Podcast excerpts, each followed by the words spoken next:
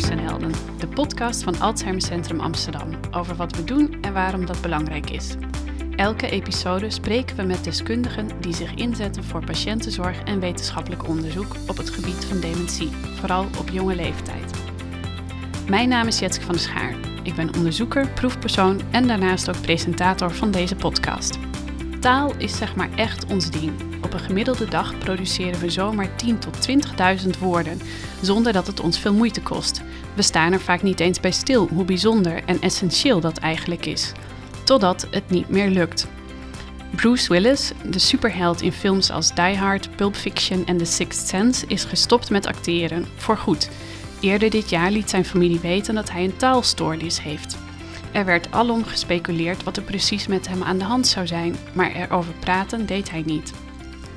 Niet lang daarna stuurde Marianne ons een mail. Ook zij heeft sinds enkele jaren een taalstoornis met de naam primair progressieve afasie. Ze vroeg of wij hier aandacht aan wilden besteden in de podcast, want ze wil graag weten hoe anderen hiermee omgaan. Maar ze kent niemand anders die dit heeft en krijgt ook online geen contact met lotgenoten. Vrijwel niemand spreekt zich hierover uit. Maar Marianne is hier vandaag om zelf, als een van de eerste patiënten, te vertellen wat het betekent om steeds minder goed te kunnen praten. Daarmee is ze een van de eerste ervaringsdeskundigen die zich publiekelijk uitspreekt over deze vorm van dementie. En dat maakt haar in onze ogen nu al een ware hersenheld. Tegenover haar zit Antoinette Keulen. Ze is logopedist en spraaktaalpatholoog hier in Amsterdam UMC en de expert op het gebied van primair progressieve afasie. Marianne en Antoinette, welkom in de show. Dankjewel. Dankjewel. Antoinette, dit is een podcast over dementie. Dus ik kan me voorstellen dat sommige luisteraars misschien denken: uh, wat heeft dat te maken met afasie? Uh, dus laten we beginnen bij het begin. Wat is eigenlijk afasie? Ja, afasie is een neurologische taalstoornis, dus een, een stoornis in de taal die veroorzaakt wordt door hersenletsel, in, in wat voor vorm dan ook. Dus dat kan acuut ontstaan, bijvoorbeeld als je een beroerte krijgt. En als er dan een doorbloedingsprobleem is, zeg maar, in de hersenen, uh, vaak aan de linkerkant, want bij de meeste mensen zitten de belangrijkste taalfuncties aan de linkerkant van het brein. Dus als je daar een beschadiging krijgt, dan merk je dat je problemen krijgt met de taal, met de communicatie. En dat kan verschillende vormen hebben. Het kan uh, zijn dat je vooral moeite hebt om je te verwoorden, hè, om te vertellen wat je wil vertellen. Uh, het kan zijn dat je meer moeite hebt om te begrijpen wat mensen precies tegen je zeggen. En het lezen en schrijven kan ook moeilijker zijn. En uh, je zei net dat dat ontstaat bijvoorbeeld door een bloeding. Um, maar wat is dan de link met dementie?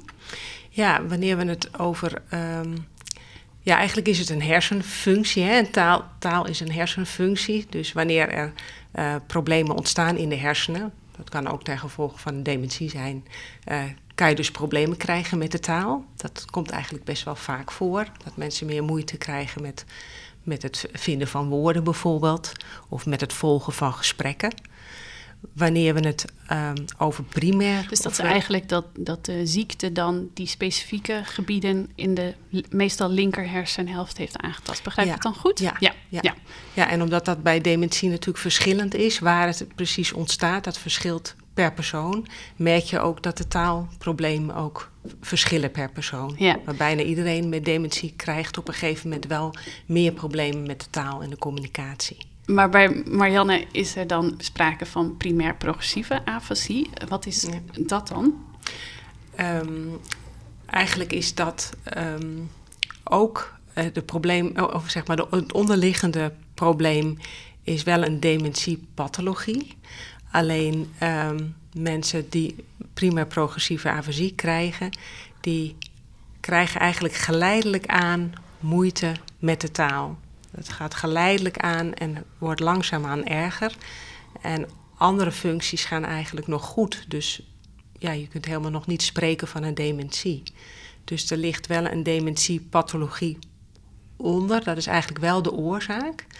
Maar mensen krijgen, hebben aanvankelijk die problemen niet. Maar wel dus die problemen met de taal. Ja, dus eigenlijk wat je net zei, dat bij de meeste mensen met dementie uiteindelijk dat taalcentrum, taal- en spraakcentrum wordt aangetast, Ja. is dus bij deze vorm dat als eerste en als enige het taal- en spraakcentrum wordt aangetast.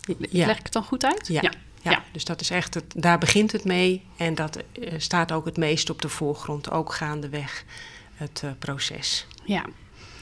Eh, Marianne, jij hebt twee jaar geleden de diagnose primair progressieve afasie gekregen. Dat korten we vaak af als PPA.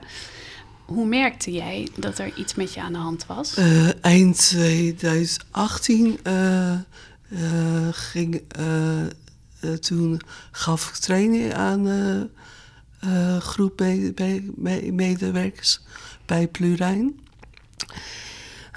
en toen merkte ik dat ik heel veel in herhaling viel. En ik had het idee dat mijn snel, eh, sneller wilde dan mijn mond kon praten. Dus eh, ja, ja, ja. En ehm, ehm, eh, ik weet eh, eigenlijk aan de overgang. Dus, zoals alles in die tijd. En maar, ik, eh, maar eh, mijn alarm ging af met toen scho- schoenmakers tegen mij zegden... ik ga ik ging schoen ophalen. En eh zei goed weekend. En ik zei ook goed. Dat is niet de bedoeling. Ja, Ja, dus ja. jij had zelf Ja. eigenlijk wel in de gaten dat er iets niet helemaal klopte. Ja, ja. ja. Dus toen ben ik naar de huisarts gegaan en die hoorde niks, mijn man ook niet. Maar die, die eh, huisarts nam me wel serieus. Dus die eh, heeft me door, doorgestuurd eh, naar een neuroloog. En die had gelukkig ook van PPA gehoord. Dus, eh, maar ik was nog, praatig nog goed. Dus na anderhalf jaar kwam de diagnose pas. Dus, maar hij zei bij het eerste contact kunnen vier dingen zijn. Of je hebt een hersenbloeding gehad, of kan MS zijn, of kan dan tumor zijn, of kan PPA zijn. Ik, eh, ik had nog nooit van PPA gehoord. Eh, ehm, ondanks dat ik in het wereldje als van niet aangeboren hersenletsel. Ja, want Ja. eh, dat doe je voor je werk, Ja, hè? Dat ja. je werkt met mensen met niet aangeboren hersenletsel. Eh, eh, eh, dus uh, cliëntendoelgroep doelgroepen bij ons. Eh, we hebben als een soort doelgroepen LFB, jeugd en volwassenen met geen uh, verstandigheid. Ja, dit is zo. Ja, ja. Ja, we hadden van tevoren afgesproken dat jij het fijn vindt als wij dan Ja, helpen, ja. hè? Ja, verstandelijk gehandicapten. Ja, ja, ja. Want even voor de goede orde, eh, je hebt dus alleen last van het spreken.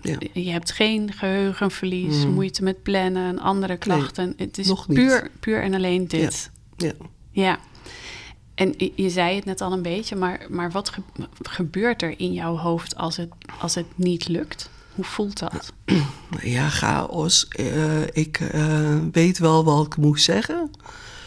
Maar ik kan nu af en toe geen zin maken. En als ik dat, dat, ze wel heb, eh, komt het bij je moeite planning. Dus ik praat ook heel onduidelijk nu. Ik ga steeds onduidelijk, duidelijk praten. Ja. Dus ja, heel frustrerend is dat. Ja, dat Ja. wilde ik vragen. Ja. Is dat niet vreselijk frustrerend als je je niet kan uiten? Terwijl je het zo goed voor, hè, op, op je netvlies hebt staan. Ja. En jij stuurde ons een mail met de vraag om hier aandacht aan te besteden. Waarom wilde je dat zo graag? Ja, wat jij zei in je introductie. eh, ehm, ik kan niet veel lezen op, over BBA. Niet, niks van levensverhaal, er- ervaringsdeskundige. En ik wilde aandacht, aandacht voor. Eh, ehm, ja, En je wilde ook graag weten Ja. hoe andere mensen omgaan met de uitdagingen die daarbij horen. Hè? Ja, maar uh, ja, ja, maar ja, ja, maar is niet goed goede woord, maar ik denk dat ik de enige ben in Nederland die BPA uh, heeft. Ja? Ja. ja. Hoe, hoe, vaak komt het voor, Antoinette? Ja, het komt niet veel voor. Um, er zijn ook niet echt exacte cijfers bekend, volgens mij. Um, wordt, wat ik daarover gelezen heb, is het ongeveer 5 op de 100.000 zou een, een Mensen of patiënten met dementie? Uh, mensen, volgens mensen, mij. Ja. Um, en dat komt veel minder voor dan zeg maar, de gewone dementievormen. Uh, ja. ja. En, en het is ook best lastig om het als groep te zien. Hè. We hebben het wel over PPA, maar er zijn eigenlijk verschillende uitingsvormen, verschillende klachten die mensen hebben. Het kan ook een verschillende oorzaak hebben. Hè. Dus het kan uh, op basis zijn van de ziekte van Alzheimer, of in ieder geval van de Alzheimer-pathologie, of van de pathologie van frontotemporale dementie. Dus dat geeft eigenlijk weer hele andere klachten. Dus het is sowieso ook moeilijk om, om het als één groep Ja. dan te zien. Dus ik denk dat het ook moeilijk is om daar exacte getallen op los te laten. Maar het komt weinig voor en ik denk dat het daarom ook heel goed is om, om er aandacht aan te besteden, zoals we dat Ja. nu doen. Want jij bent spraak- en taalpatholoog hier in het ziekenhuis. Hoe, hoeveel patiënten zie jij met deze vorm? Ehm, ik, zie er relatief veel, omdat eh, er hier veel mensen naartoe komen met de verdenking van primair progressieve afasie. En eh, ik ben dan betrokken bij het onderzoek. Dus hè, er komen veel mensen naar, eh, naar de dagscreening van het Alzheimercentrum. En wanneer er specifiek aan PPA gedacht wordt, dan zie ik deze mensen ook. En dat is ongeveer één keer in de twee weken, denk ik. Ja, ja en als je het zo zegt, klinkt het toch nog best, Ja. best veel. Ja, ja. ja. maar de- dat is maar een hele. Ja, er zijn maar selecte centra Ja. die. eh, Ja. En eh, dan denk ik, maar kunnen we dan niet die patiënten die jij allemaal ziet met elkaar in contact brengen? En dan heeft Marianne haar eh, contact met andere ervaringsdeskundigen. Of ligt dat niet zo eenvoudig? Het is wel zo dat we sinds een paar jaar een supportgroep PPA hebben. En die organiseren we dan, zeg maar, één keer in het jaar. En dan zijn het vier bijeenkomsten met een groep eh, mensen met PPA. Ongeveer vijf à zes mensen met, eh, met een, een, naaste erbij. En dat bevalt wel heel goed. Maar het is ook wel lastig. Volgens, soms mogen mensen ook later nog contact met elkaar houden. Ik weet niet altijd of dat gebeurt. Mensen wonen soms ook ver bij elkaar vandaan. Dus ehm, Maar het is tijdens de corona niet gebeurd. hè? nee, nee, Ja. nee dat, Ja. daar had je Ja. net pech ook. Ja. Maar Ja. het is wel een Ja. hele mooie manier om, Ja, eh, ja. om elkaar te spreken. Ook al heb je niet allemaal dezelfde klachten. Hè? Want ook hierbij zie je verschillen. Is dat juist ook wel ja, leerzaam en ook niet per Ja. se vervelend om eh, ja, te merken hoe andere mensen, hè, wat voor klachten die hebben en hoe die daarmee omgaan. Vooral die uitwisseling is heel mooi. vind Ja. ik. En die, die verschillende klachten waar je het over hebt, dat is dan meer of ze moeite hebben met de spraak of het begrijpen of eh, de taal. Ja. Ja, Ja. Ja, dus je, we onderscheiden drie typen PPA. De eh, niet vloeiende variant, de semantische variant en de logopene variant. En dan zijn er ook altijd nog mensen die, die, je niet zo mooi in een van de varianten kunt plaatsen, maar die wel, zeg maar, die langzaam progressieve eh, spraak- en taalproblemen hebben. En mensen met een niet vloeiende variant, die hebben vooral het problemen met het vloeiend spreken. Ehm, met het, eh, ja, op de, hè, dus inderdaad een goed plan hebben van wat je wil zeggen, maar het er moeilijk uitkrijgen en soms ook moeite hebben om het goed in een zin te plaatsen. Mensen met de semantische variant hebben eigenlijk een heel ander probleem. Die praten best wel vloeiend. En zeker wanneer ze hun, eh, hun eigen verhaal mogen doen, merk je eigenlijk niks. Gaat het hartstikke goed. Maar zij merken dat ze eh, ja, de betekenis van woorden eigenlijk kwijtraken. Dus dat ze meer moeite krijgen om wanneer ze bijvoorbeeld een, een foto van iets zien wat ze, ehm, wat ze niet zo vaak gebruiken. Bijvoorbeeld eh, een schildersezel. Als, je, als je geen schilder bent dan. Dat je weet van hé, hey, dit ken ik wel, maar ik weet niet meer hoe het heet. En eh, hetzelfde hebben ze met wanneer ze het woord schildersezel horen. Dat het kan zijn dat ze denken, ik ken dit woord, maar ik weet eigenlijk niet meer wat het betekent. Dus deze mensen krijgen echt dat probleem op, op woordniveau. Dus de betekenis van woorden verdwijnt eigenlijk. Wat natuurlijk ook heel frustrerend uh, kan zijn. En is dat dan permanent weg of tijdelijk? Um, wat je merkt is dat mensen in eerste instantie merken dat ze er wat langer over na moeten denken. Dus dat ze het eigenlijk even niet weten en dat ze, dat ze dan, als ze daarover nadenken, komt de betekenis weer naar boven. Is dat dan meer zo, zoals wij dat kennen, dat het dan op het puntje van je tong ligt, maar dat je er even niet op kan komen en dat het later In eerste instantie wel. Ja. Maar later wordt het steeds lastiger. Dus uh, is het steeds meer dat het een leeg woord wordt eigenlijk. Dat er, dat er geen koppeling is met de betekenis. En dan kan je het, kan je het ook niet, uh, ja, dan kan je het gewoon niet plaatsen als je het alleen als los ja. woord hoort. Het is meer alsof je een woord hoort wat je ook gewoon echt niet kent. Ja, ja. ja. ja dus dat is het enige. Ze weten vaak wel dat ze het wel kennen.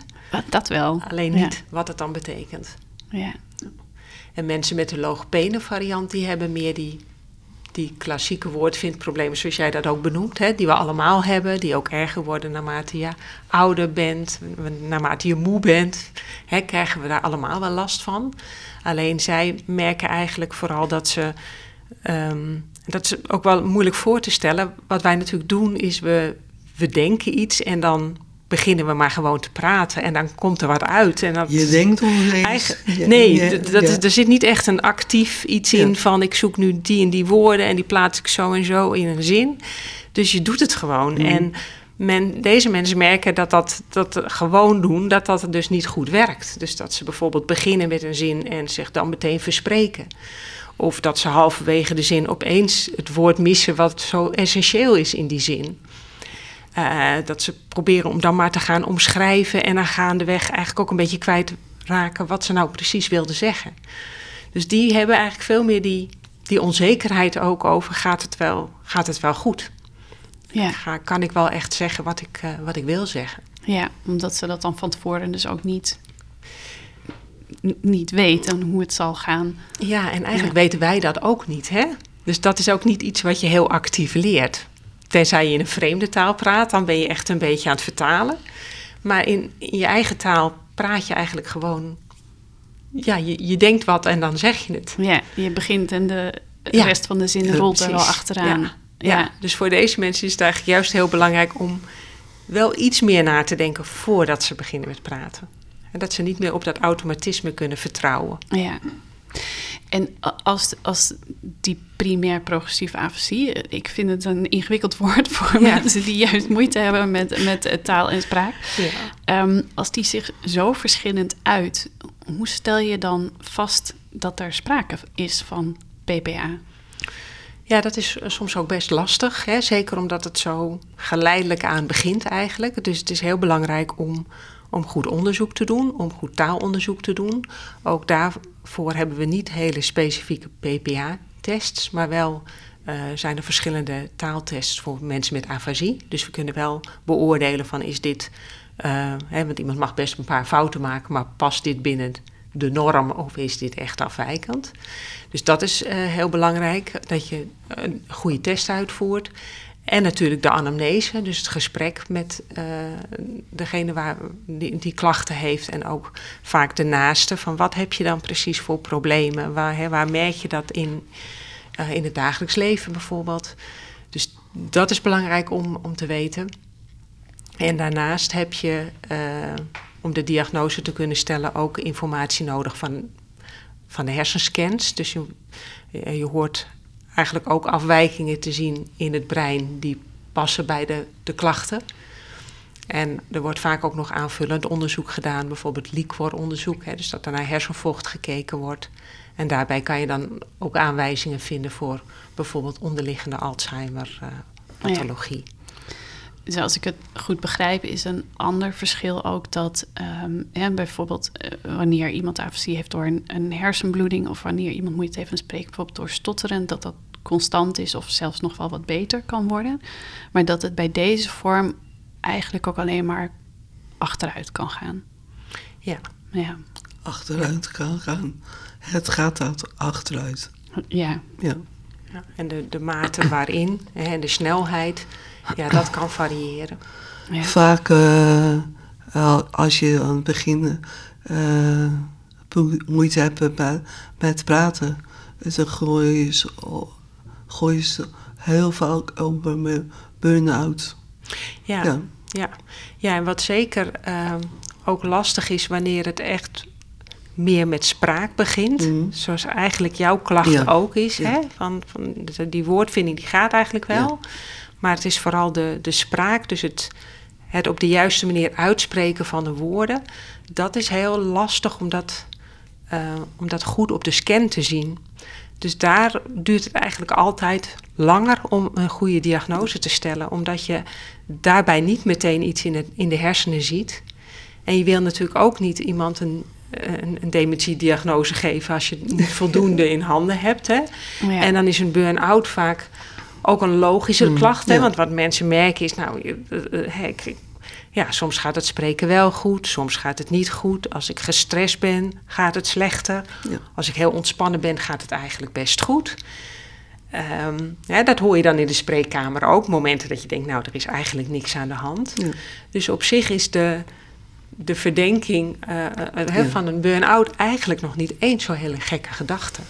Ja, of misschien komt het er ook wel bij doordat het zoveel moeite kost om te communiceren. Nou ja, we weten zeker dat uh, spraak daar gevoelig voor is. Voor spanning, mm. voor, uh, voor stress, voor uh, hè, vermoeidheid. Dat zijn allemaal factoren die, die een negatieve invloed hebben op het spreken. Ja. Dus soms moet je ook zeggen, hè, want als je, er toch een verdenking is hè, van hey, iemand geeft echt een duidelijke klacht aan wat betreft die, die spraak. En zeker ook met een geleidelijk aan begin dan wil je iemand zeker vervolgen. omdat we wel merken dat die spraak wel steeds een beetje slechter wordt. Dus dat je dat als je iemand vervolgt, ja, je dat beter gaat zien. Daarom is het ook belangrijk om, om spraak bijvoorbeeld op te nemen. Dat je het echt goed kunt vergelijken met de keer daarvoor bijvoorbeeld. Ja, bij mij is een diagnose pas gesteld uh, dat ze mijn spraak opgenomen hebben. Na jaren. Ja. Dus, ja, ja. ja, maar dan kan je, kan je het vergelijken. Ja. Hoe is dat voor jou, Marianne, om ehm, dat het moeilijk is en wat je net ook al heel duidelijk zei, steeds moeilijker wordt om je te uiten? Wat betekent dat voor jou en mensen om je heen? Ik, ik kan mijn eigen niet kwijt. En ik kan geen illusie meer maken. Maar dat is mam. Uh, ja, ja. Het is. Uh, ik denk wel eens dat uh, ik, ik s'morgens wakker word, wakker word. En dat ik helemaal niet mee kan praten. Dat het gemakkelijk, gemakkelijk is. Dat, dat het makkelijker zou zijn als je helemaal niet kan praten? Ja. ja. Waarom dan? Bedoel je dan dat het, dat het je zoveel moeite kost? Dat dat het. Uh, ja. ja. Ja. Ja, ik denk dat, dat, dat is ook. Het, het, je, je, kan je ook voorstellen, of eigenlijk is het denk ik voor ons moeilijk voor te stellen.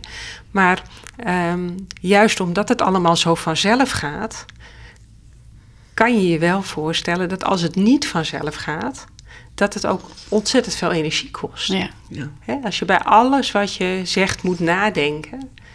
En moet nadenken over hoe spreek ik de woorden precies uit. En weer een. en, het, en het zoeken naar de woorden. Dat vreet energie. Ja. En ik zie ook dat het je aangrijpt. En mij ook. ja. Ehm, we, hebben het nu vooral gehad over eh, de moeite om je te uiten. Mhm. Eh, maar hoe gaat dat andersom dan bij jou? Heb je, komt wat iemand anders zegt net zo binnen bij jou als vroeger? Nee, anders binnen. Ja? Ik kan er niet weer voor afsluiten uh, praten. Als er anders mensen praten, kost dat niet, zo even, een, uh, niet zoveel energie als dat uh, zelf praat. Maar het kost wel veel energie. Ja, als anderen praten. Te praten. Ja. Ja.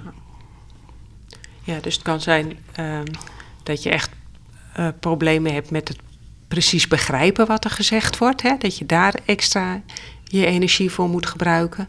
Um, maar dat is niet echt jouw klacht, hè? Um, maar wel het, het je concentreren op op het, het spreken en ook omgevingsgeluiden uh, niet binnen laten komen. En die verstoren eigenlijk ook. Ik kan, ik kon me goed afsluiten, maar nu, meer, niet, nu niet meer. Nee, dus dat is eigenlijk in die zin ook dubbel op. Hè? Dat het je meer energie kost om inderdaad eh, de, de relevante informatie en het relevante geluid en de spraak te filteren uit alle prikkels die binnenkomen. En anderzijds dat je wat je dan dus zelf kwijt wil, niet zo goed kan uiten. Uh, mijn spraaksens staat altijd aan. Uh, als andere mensen wat zeggen, niet tegen mij, uh, dan ben ik altijd alert als ik iets moet terugzeggen. Dus uh, ja. staat nooit uit. Ja. En hoe reageren mensen op jou?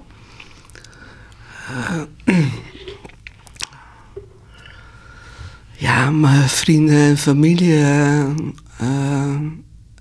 geven me wel tijd om te praten. Maar ik, zo, ik heb soms gewoon ongemakkelijk, ongemakkelijke situaties. Ja. Bij het kostjesapparaat op mijn werk. In de winkels. Um, dus ik probeer we wel voorbereiden op uh, elke winkel ben ik raad. Maar als ze, uh, als ze sia uh, heel helpen is, jullie weten wel, als het scenario anders gaat. Oh, oh, ja. Als het scenario dus anders gaat. Ja. Dus dat je in moet spelen op onverwachte situaties. Dat is soms ongemakkelijk. Dus uh, ik heb al een uh, uh, app op, op mijn telefoon. Als ik niet uitkomt, kan ik het gebruiken. Maar ik heb het nog nooit gebruikt. Ja. Ja, dus uh, ja, de, de, de, kans is wel dat ik uh, binnen afzienbare tijd moet gebruiken. Ja, ja, gebruiken. Je vertelde in het voorgesprek dat wij hadden, um, zei je ook dat je eh, je soms sociaal onnozel voelde. Ja, hè? Ja. ja, dat greep mij aan dat je dat zo zei. Ja. Dat je soms ook um, iets anders zegt dan wat je bedoelt of niet snel genoeg reageert. Maar ik, uh, ik, heb, uh, ik uh, ben drie direct van mezelf, altijd al. Maar nog drie, drie, drie, drie directe geworden nu. Dus ik zeg vaak ja, nee, om, om, niet omkleed. Ja. ja. Dat is heel vervelend. Dus uh, dat snap ik wel, uh, dat het ongemakkelijk is, maar ik kan me niet zo snel uitleunen. Ja. ja, ja. Uitkletsen. ja. ja, je concentreert de boodschap heel erg tot, tot de essentie. Ja, En, en ook dat lijkt me hard werken. Ja. Ja, dat je bij alles. Ja, maar het is heel ongemakkelijk. En ik voel me dan ik weet er niets aan kan doen, maar ik voel me dan zo simpel. Ja. En heb je het gevoel dat je je humor nog kwijt kunt? Want die, die, uh, die heb je gewoon. Ja. Nee, nee, nee. Niet op de juiste manier uh, zoals uh, ik vroeg had. Mm -hmm. Maar we lachen wel om. Dus als gezin we om. om, om ja, het, uh, ja. ja, dus het is wel anders geworden, ja. maar het, het, ja. het, is er nog wel. Ja. ja. ja. We hadden het er net al even over dat, dat deze uh, conditie achteruit gaat. W wanneer spreek je dan van dementie? Um, eigenlijk wanneer er ook echt andere uh, cognitieve problemen eigenlijk zijn. Hè? Dus een probleem met het geheugen of met de oriëntatie of het gedrag. Uh, en dat dat ook echt uh, zeg maar op stoornisniveau is. En dat het ook echt beïn, ja, invloed heeft op het dagelijks leven, op iemand zijn dagelijkse functioneren. Ja, dus dat als het verder gevorderd is. Ja, Ja, ja. ja. En ook dat verschilt wel ehm, per persoon. Maar Wanneer je echt merkt van ja, dit, eh, dit is meer dan alleen maar de taal, dan, dan spreek je meer van een dementie. Ja. Marianne, jij vertelde in het voorgesprek ook dat je in het begin nog wel eens tegen mensen zei dat je een vorm van v- vroegdementie had, eh, hebt en dat je dat nu niet meer doet. Waarom niet? Eh,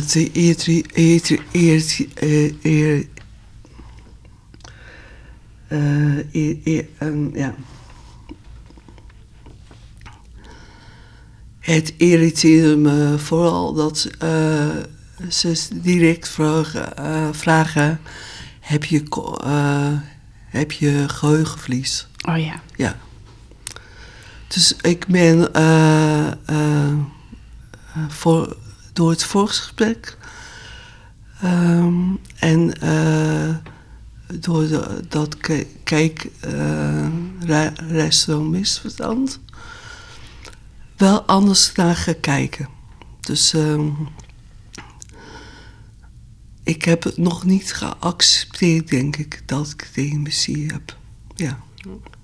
Nee, en dat is natuurlijk ook, ook lastig, omdat je eh, eigenlijk ook, je kan nu niet zeggen dat je, dat je een dementie hebt, Mhm. eigenlijk zoals je functioneert. Dus het is ook de vraag of je het dan zo moet noemen. Ja, ja. Maar specie... Psychologisch. ja, ja. Heeft wel gezegd waar, waar, eh, waar hoe noem je dat dan? Uh, is voldoende. Ja. Ja, Ja. dat dekte eigenlijk Ja. ook het meeste Ja. lading, Ja, denk ik. ja. Antoinette, jij bent ook eh logopedist. Wat kun je doen voor eh, mensen als Marianne? Want de, de ziekte genezen gaat niet. Wat, wat kun je dan wel? Ehm, hier zijn we natuurlijk aanvankelijk vooral bezig met het onderzoeken of iemand überhaupt PPA heeft. Hè? Dus dan ben je vooral aan het kijken naar wat gaat er niet goed, wat is er veranderd ten opzichte van vroeger op het gebied van taal en communicatie. Op het moment dat er een diagnose is, dan eh, proberen we ook zoveel mogelijk uit te leggen aan mensen. Ook, ook uit te leggen wat er gebeurt. Hè? Want je, je merkt dat, hè, dat beschrijft Marianne eigenlijk ook, en dat hoor ik ook heel vaak terug van mensen: de, de frustratie, je, je, je, je dom voelen. Hè? Het helpt om, om daar uitleg over te krijgen wat er gebeurt, waarom het niet gaat zoals je gewend bent. Eh, dus die psycho-educatie, zeg maar, is een belangrijk onderdeel. En van daaruit kijk je ook eh, samen met eh, degene die PPA heeft en zijn naasten van wat, wat gaat er wel goed. Hè? Dus welke vaardigheden gaan er goed, geven je energie, kun je goed inzetten. En welke aspecten van de communicatie gaan moeilijker en hoe kun je daar zoveel mogelijk voor proberen te compenseren. Dus je gaat eigenlijk meer strategieën bedenken Ja. van wat, hoe kan ik me het beste redden in de communicatie. Ja, En dat, dat, dat is geen standaard pakket. Dat doe je eigenlijk ook met elkaar. Om ook te kijken, want ieder, iedere persoon is ook weer anders. Dus hè, sommige mensen zeggen, nou, ik, heb heel veel last van het, feit dat ik niet meer een praatje kan maken. En anderen zeggen, nou, dat, nou, dat, vind, dat vind ik niet zo erg. En die hebben weer andere klachten. Dus je moet goed eh, zeg maar de hulpvraag in kaart brengen. En dan samen met de, met de persoon gaan kijken van hoe kan je dat het beste ondersteunen. ja. En hoe doe jij dat, Marianne? Welke strategieën heb jij om beter te kunnen redden? Ik heb geleerd om eh, dat het vrij makkelijk is om te zitten te praten. En die, eh, niet lopen. Ik, ik heb gelet op om mijn ademhalen te letten. Dat is niet zo makkelijk. Dus, eh, en ik heb eh, met mijn logopedist eh, in Druten standaardzinnen gemaakt. Ja. En die kun je Ja, dan makkelijker Ja, ja, in ja. één keer eruit. Ja. Ja. ja. Ja. Ja, dan probeer je het ook zo persoonlijk mogelijk te maken. Hè? Dat je juist oefent met de zinnen die, die, ook, hè, die voor jou eh, relevant zijn. ja. En wat, wat zijn dan de belangrijke zinnen voor jou? eh, als ik, eh, eh, ik heb problemen met telefoneren. Als je mij al belt, eh, zeg je hallo Marianne, met Marianne, Marianne. En eh, ik zeg niks meer terug. Dus eh, ik heb, gele- ik heb gela- staan, hallo Jutske. Jetske. Ja. Ja. Ja. ja. Je vertelde vooraf ook dat je, eh, als jij zelf iemand anders opbelt, ook eh, Ja. op een briefje. Schrijf ik het uit. Ja, ja. Ja. En dat je het dan vervolgens meestal niet eens meer nodig hebt, hè? Nee, ja, ja. ja. Ik bel niet zoveel meer nu. Nee. Dus eh, ik heb voicemail ook Engels gesproken. Als het niet via mail gaat, kan. En via WhatsApp, dan moet je me bellen. Maar dan bel ik wel op, eh, als ik rustig ben, terug. Dus Ja. dat kan even duren. ja. Dus, eh, En eh, ehm, in hoeverre is het voor jou, hoe is het voor jou om te, te typen of te schrijven? Ja, dat gaat wel. eh in het begin nog niet, maar ik heb wel het feit eh, dat het slecht gaat. Gaat ook achteruit. Ja. Eh, ik heb eh, eh, hier voorbereiding gedaan ook. en heb ik mijn man laten lezen. En die zegt dat, dat ik heel veel eh lidwoorden vergeet. Lidwoorden vergeet. Ja, dat is niet... dus nu niet zo erg, maar moet ik wel opletten. Ja. Ja, ja. En heb je dan eh, andere manieren aangewend of andere dingen opgepakt om je te uiten? Om, eh, eh, ik, ik roep maar zijstraat, hè, dat je misschien muziek bent gaan maken of bent gaan schilderen of iets anders bent gaan doen om je... Ik ben gaan naaldfilteren. Ja? En ik ben gaan mediteren. ja. Dus ja, dat brengt me wel veel rust. Vijf minuutjes op de dag geeft me echt wel eh, rust. En ehm, ik wandel veel. Dus eh, ja. Ja. En wat kunnen andere mensen doen om hier beter op te reageren?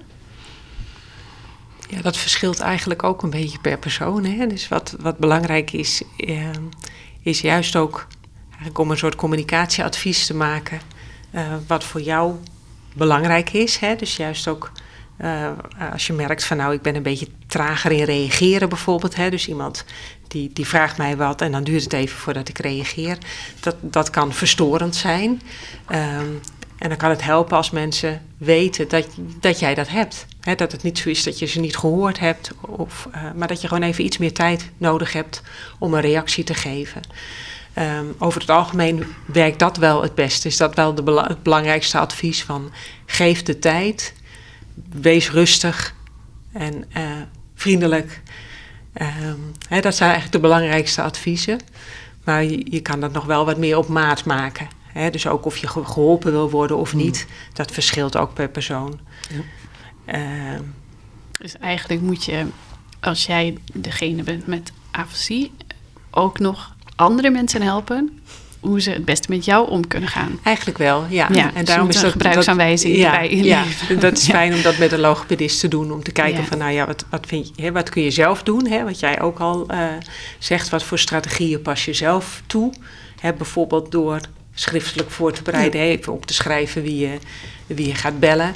Hè, dat is een strategie die je zelf toepast. En je kunt ook aangeven wat jij fijn vindt als andere mensen doen. ja.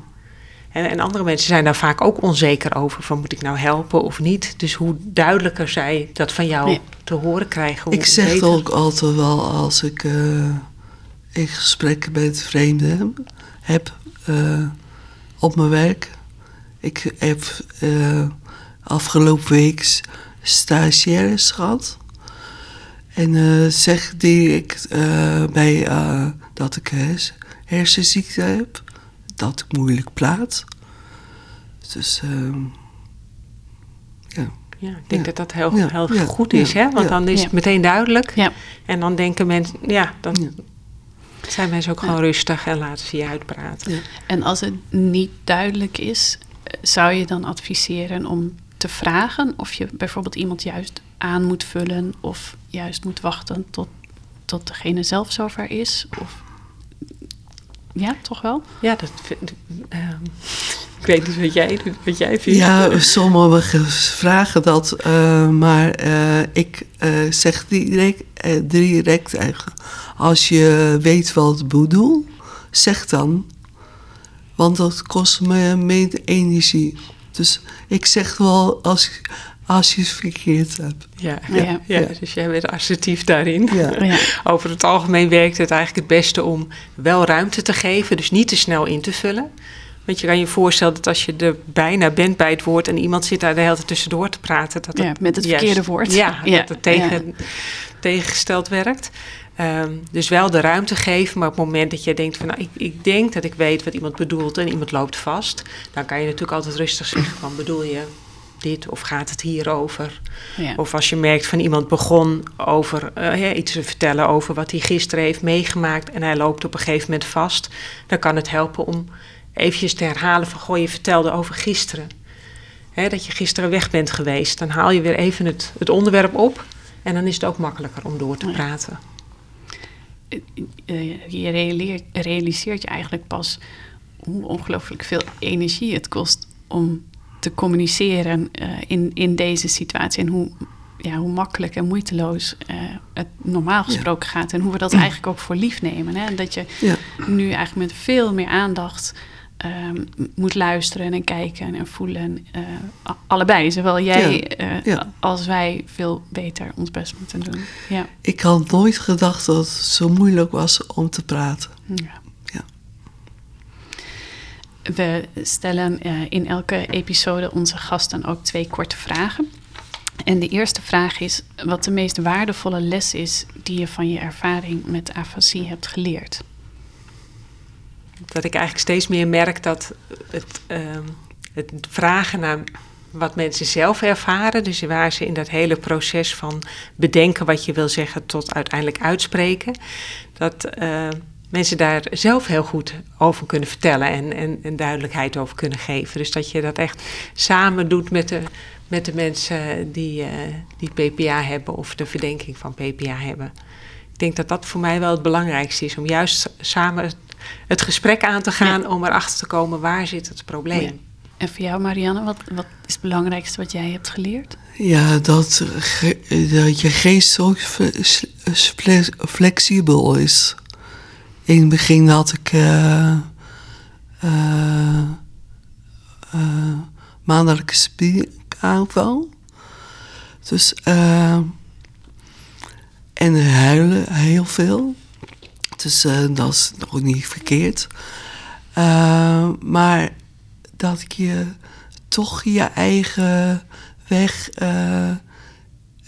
als je ziekte hebt, weet te vinden. Ja, ja, de, ve- de veerkracht ja, om, ja, ja. om daar toch je weg in te vinden. juiste woord. Ja. Ja. En wat is het belangrijkste wat je mee zou willen geven aan onze luisteraars? ja, gewoon over praten. Ja? Ja.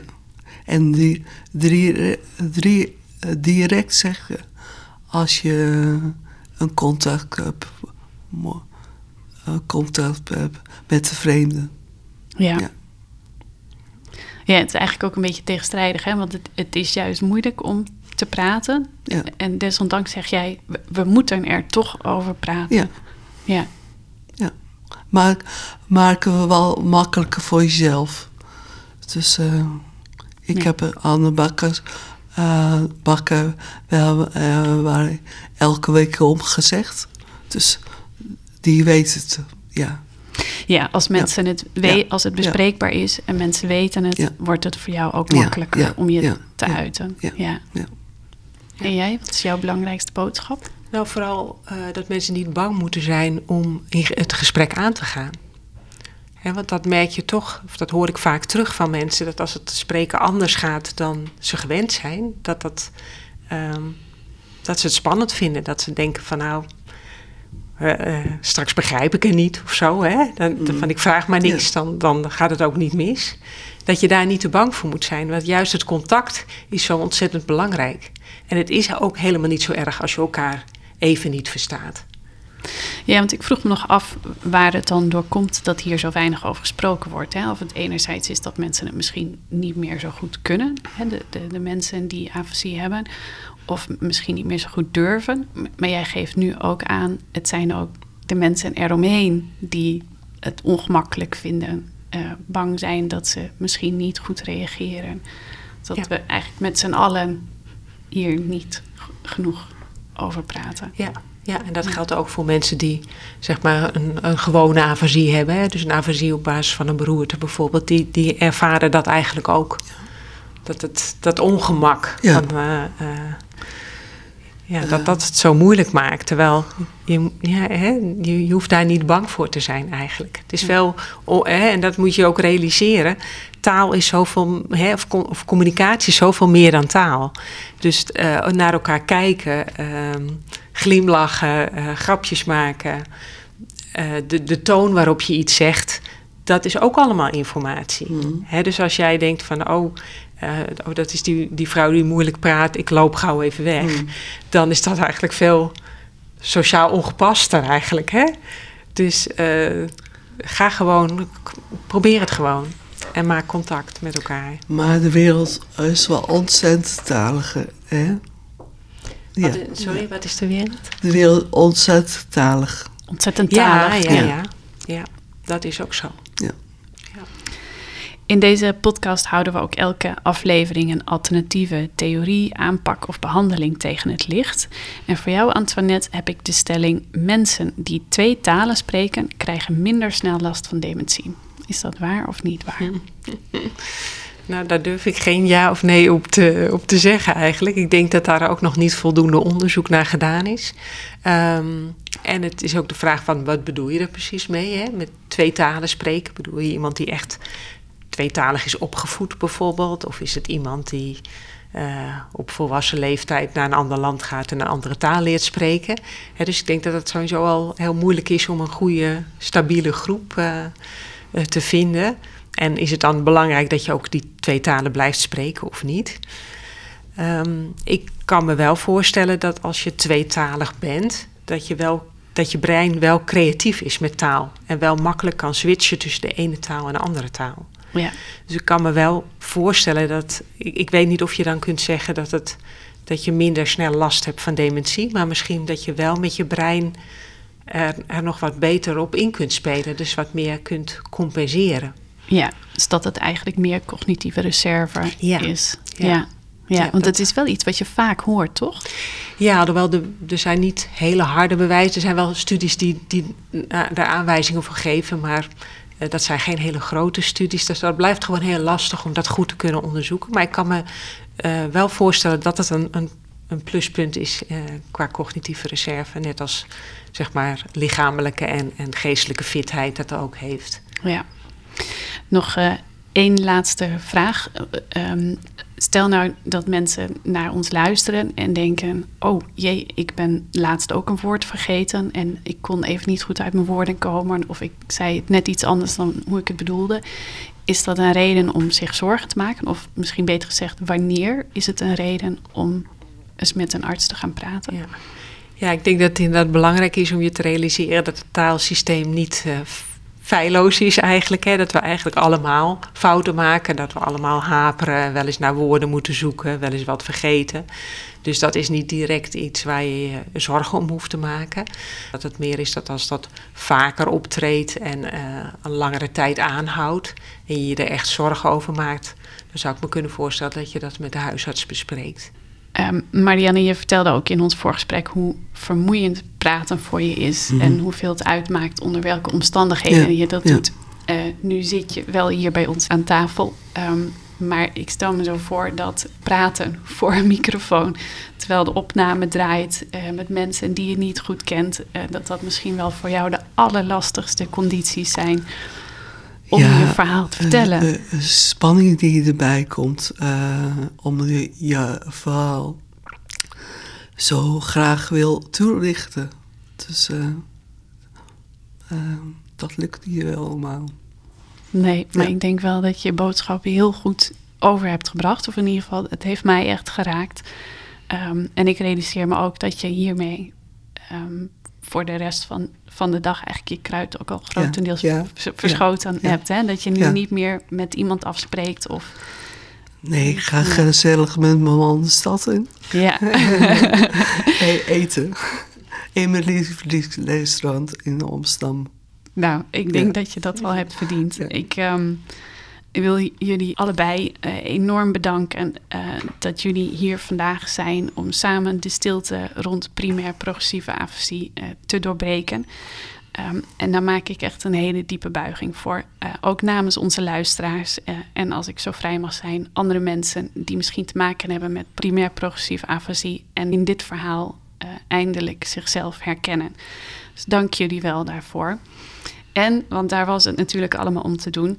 Mocht een van onze luisteraars te maken hebben met een vorm van primair progressieve afasie, oftewel PPA, en graag ook contact eh, met lotgenoten willen of eens ervaringen uitwisselen met Marianne, stuur dan een mail naar hersenhelden.amsterdamumc.nl en dan brengen wij jullie in contact. We hebben deze episode opgenomen op 25 november 2022 in Alzheimer Centrum Amsterdam. Met dank aan Mark Brouwer die achter de knoppen zit. In de show notes van deze aflevering vind je meer informatie over de onderwerpen waar we over spraken. Wil je meer weten over Alzheimer Centrum Amsterdam? Dan vind je ons op Twitter, Facebook, Instagram en LinkedIn als je zoekt op Alzheimer Centrum Amsterdam. Heb je een vraag of opmerking over deze podcast of wil je in contact komen met Marianne? Stuur dan een mail naar hersenhelden.amsterdamumc.nl. Tot de volgende keer.